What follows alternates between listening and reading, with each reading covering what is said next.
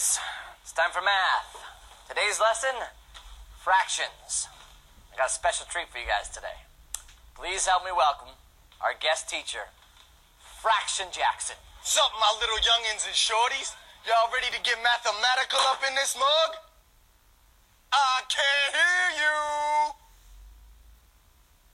And you don't stop. Check it out. It's time for my favorite. It's time for some fractions, some big booty, licious style, math freaky action. Put a number on bottom, number on top, put a line between them, and guess what you got? That's right, it's a fraction. Easy as that. You can't mess with no fractions. Fractions is fat. I put down a four, then I write down a five, then I straight draw a line, and that fraction's alive. Check it out, 92, then a big 107, draw a line through that mother. I'm in fraction heaven. What is fractions equal in this mathematical profession? 90.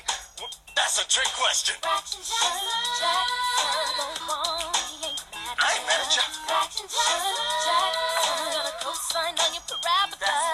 The number on the top is the dominator, and the number on the bottom is the prominator.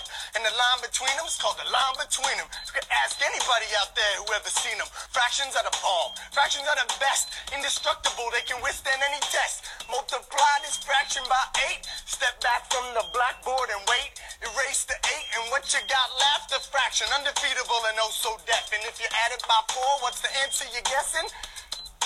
That's a trick question. Fraction Jackson, he can teach you something. I can teach ya. Fraction Jackson, Jackson, he's better less than nothing. Now I know what you wanna ask me, brother. What you got two fractions next to each other?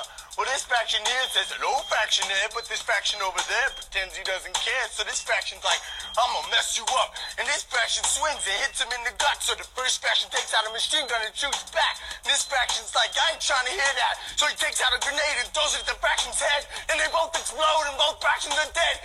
So what have y'all learned up in this lesson? That's a trick question.